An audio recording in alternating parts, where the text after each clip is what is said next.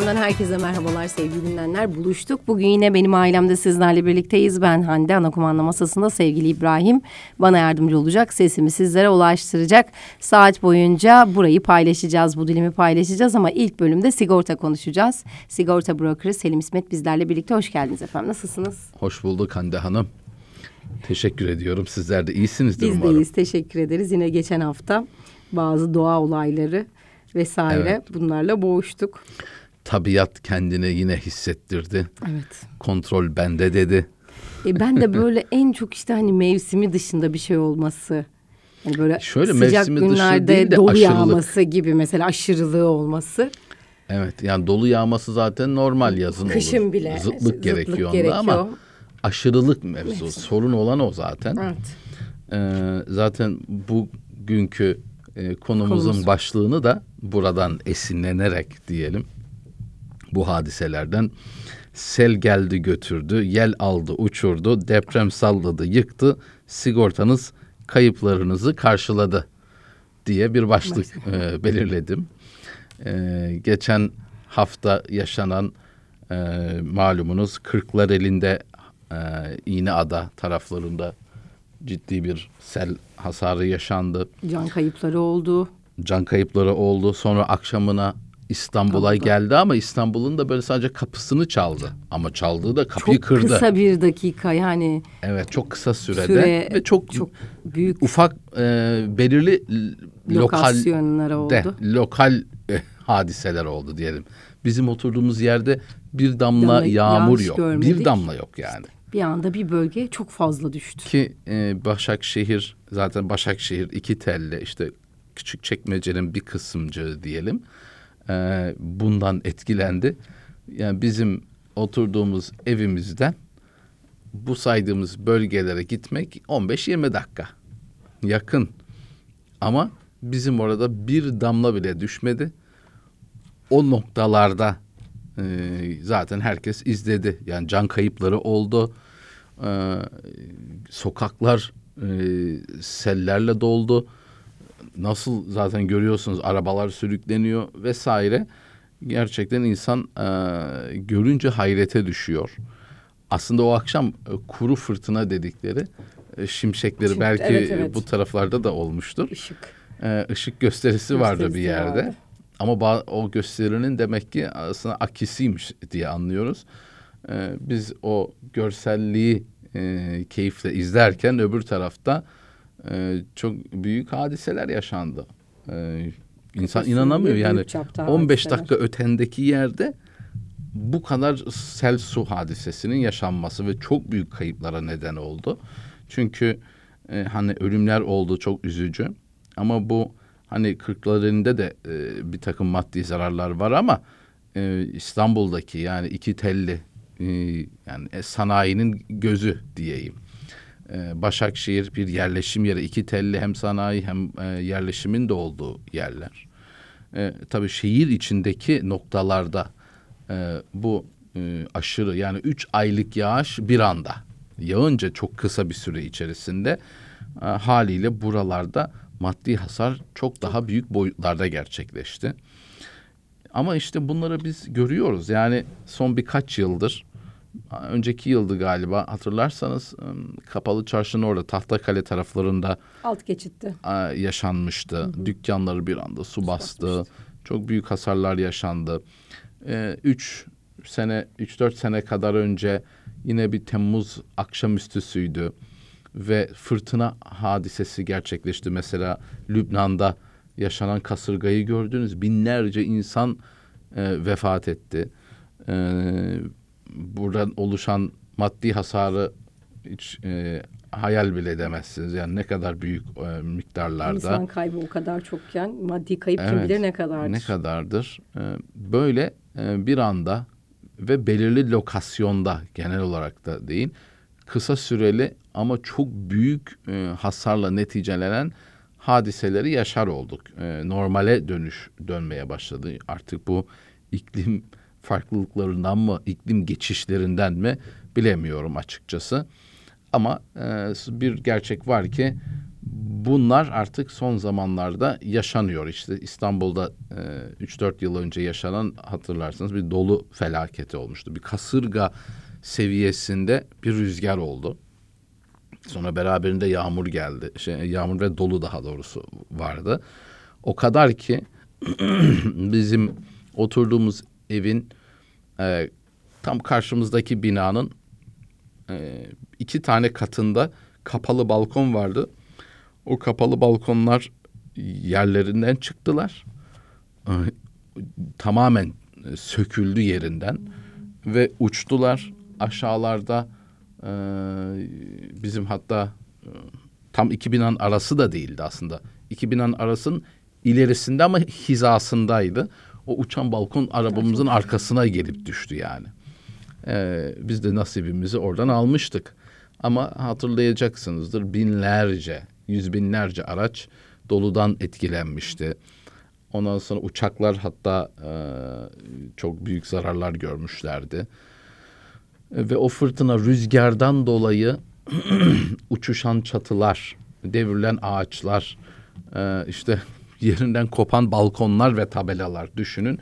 Yani doludan dolayı böyle felaketler, rüzgarın hızından dolayı e, oluşan e, felaketler, afetler. İşte geçen hafta yaşanan e, ne o sel su hadisesi, bu haftaki işte Lübnan'da gördüğümüz bu kasırganın Felaket. neticeleri hep bunlar e, tabiatın e, böyle aşırılıkları kısa zamanda belirli noktada büyük hasarların neden olduğunu görmüş oluyoruz.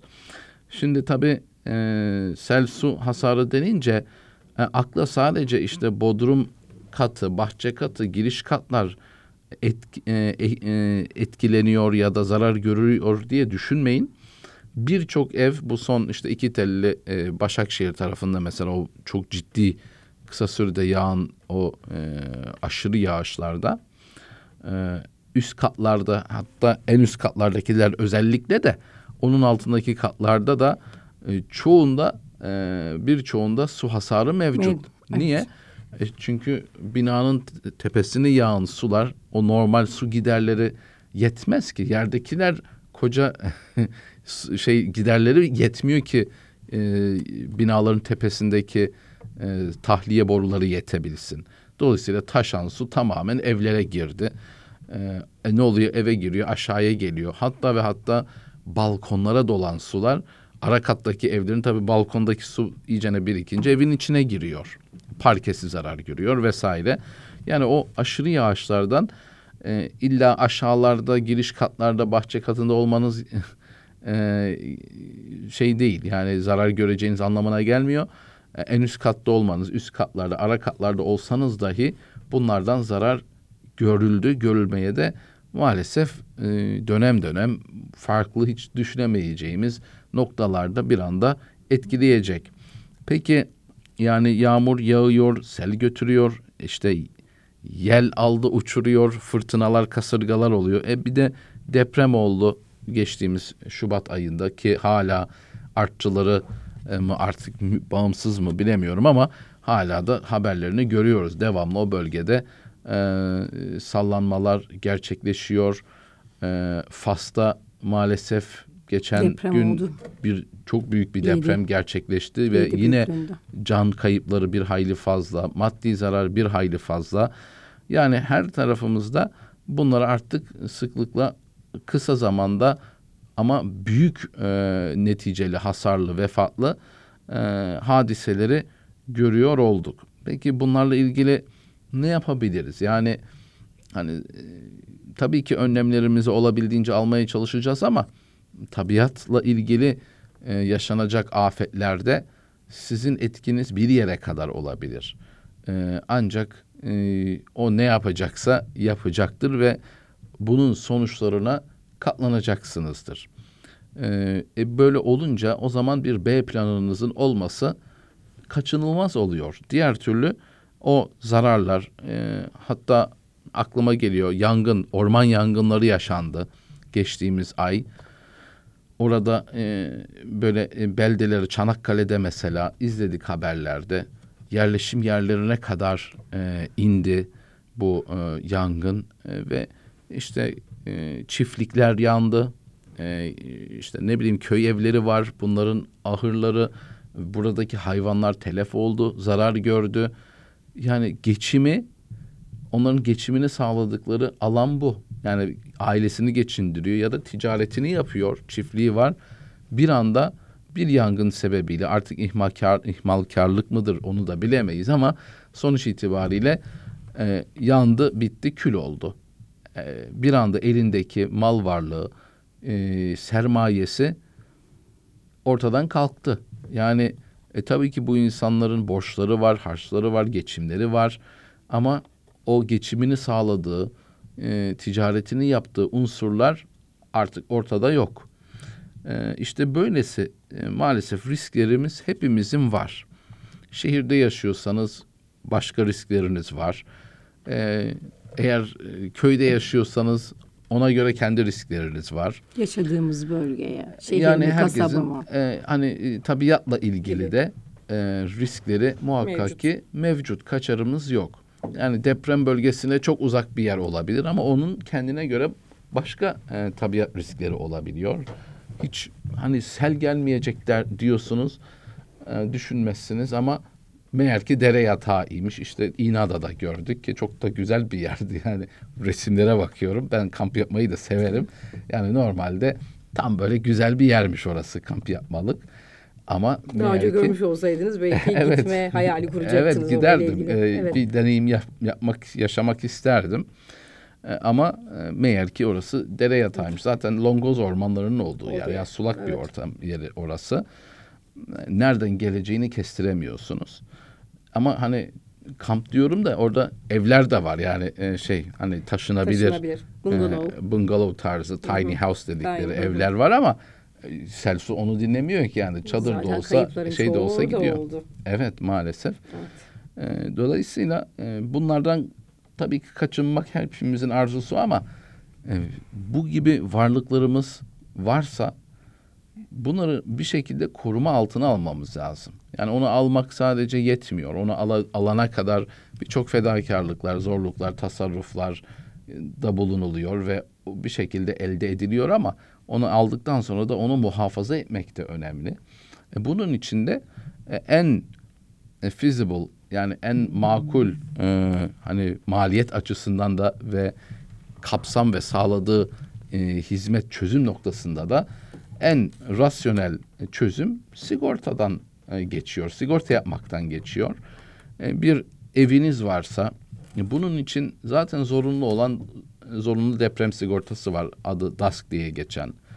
Bunu yapmak zaten mecburi. Hani e, mecburi olmasına rağmen yapılmıyor mu? Evet çok yapılmayan var. Hatta yüzde elli nispetinde yapılmadığı e, istatistiğini hatırlıyorum.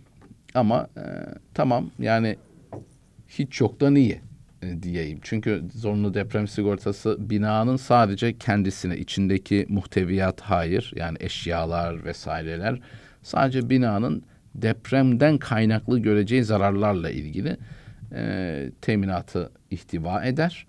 E, onda da tabii ölçü yapı maliyetleridir. Yoksa rayici değil yani o evi bugün almaya ya da satmaya kalksanız ki ederi değil. Yapı maliyeti nedendi? Çünkü e, bir yer satın aldığınız zaman o üstündeki yapısı ve toprağın da e, siz almış oluyorsunuz. Bir hisseniz var o toprakta. Ama zarar görün üstündeki yapı. Toprak duruyor, arsa duruyor orada. Ee, ama onu tamamlayıcı nitelikte bir konut sigortası yapmanız lazım. İşte bu yaşanan sel su hasarına e, muhatap olanlar, karşılaşanlar, e, işte Başakşehir'de, iki Telli'de evleri zarar görenler bu sel sudan dolayı eğer konut sigortaları varsa zararlarını o poliçe üzerinden alabilecekler. Ama sadece zorunlu deprem sigortası yapmışsa o zaman bu sel sudan dolayı evleri ya da eşyalarının uğrayacağı zararlarla ilgili herhangi bir e, teminat karşılığı yok DASK poliçesinde. O yüzden bir konut sigortası olması şart. Ama yapılırken de tabii ki doğru ve yeterli olarak yapılması da son derece önemli. Yoksa e, örnek veriyorum banka üzerinden ev satın alıyorsunuzdur. bankada teminat açısından kendini garantiye almak için tabii ki size de faydası var elbette ama kendini de garanti altına almak için ne yapıyor? Evin kendisine zorunlu deprem sigortası ve konut poliçesi yapıyor. E, ama içinde eşya yok. Yani eşya teminatı yok onun. Siz eğer içinde oturuyorsanız o zaman eşyalarınızı sigortalamanız lazım. Yerin sahibiyseniz evin be- bina bedeli de olacak ama kiracıysanız evin Eşya sahibi sigortası. değilsiniz. Sadece eşyalarınızı sigortalayacaksınız. E, muhakkak bir konut sigortası şart. E, bu sel su yaşandı. Görüyorsunuz arabalar yüzüyor böyle sokaklarda. E, bunun için trafik sigortam var. Var ama trafik sigortası kendi aracınızla ilgili bir teminatı yok. Tamamen sizden Siz kaynaklı kaynak üçüncü taşıması verecekleriniz zararlarla ilgili ki o da bedeni zararlar için aslında bir miktar binekler için 120 bin liraya kadar maddi hasarlı e, bir teminatı var. E, onun için ne yapmanız lazım? Aracınıza kasko yapmanız icap eder ki böylesi bir tabiat e, afetiyle karşılaştığınız takdirde aracınız e, hani tamamen kullanılamaz, zayi olması, pert ifadesi kullanılan duruma e, düşerse aracınızın ederi kadar, rayici kadar ödeme almanızı ya da kısmen e, bir e, hasar olsa da o hasarı karşılamak sizin derdiniz değil, sigorta şirketinin sorumluluğunda olsun ve cebinizden ekstra herhangi bir para çıkmadan siz e, aracınızın e, tamirini ya da e, karşılığını, rayicini alabilirsiniz.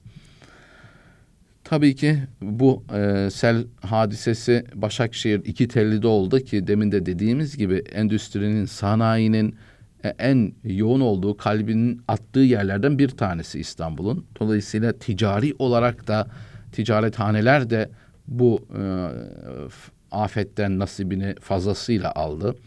E, ve firmalar, şirketler, e, makinaları, emtiaları, stokları, e, ne bileyim demirbaşları hepsi çok ciddi hasarlarla karşı karşıya kaldılar.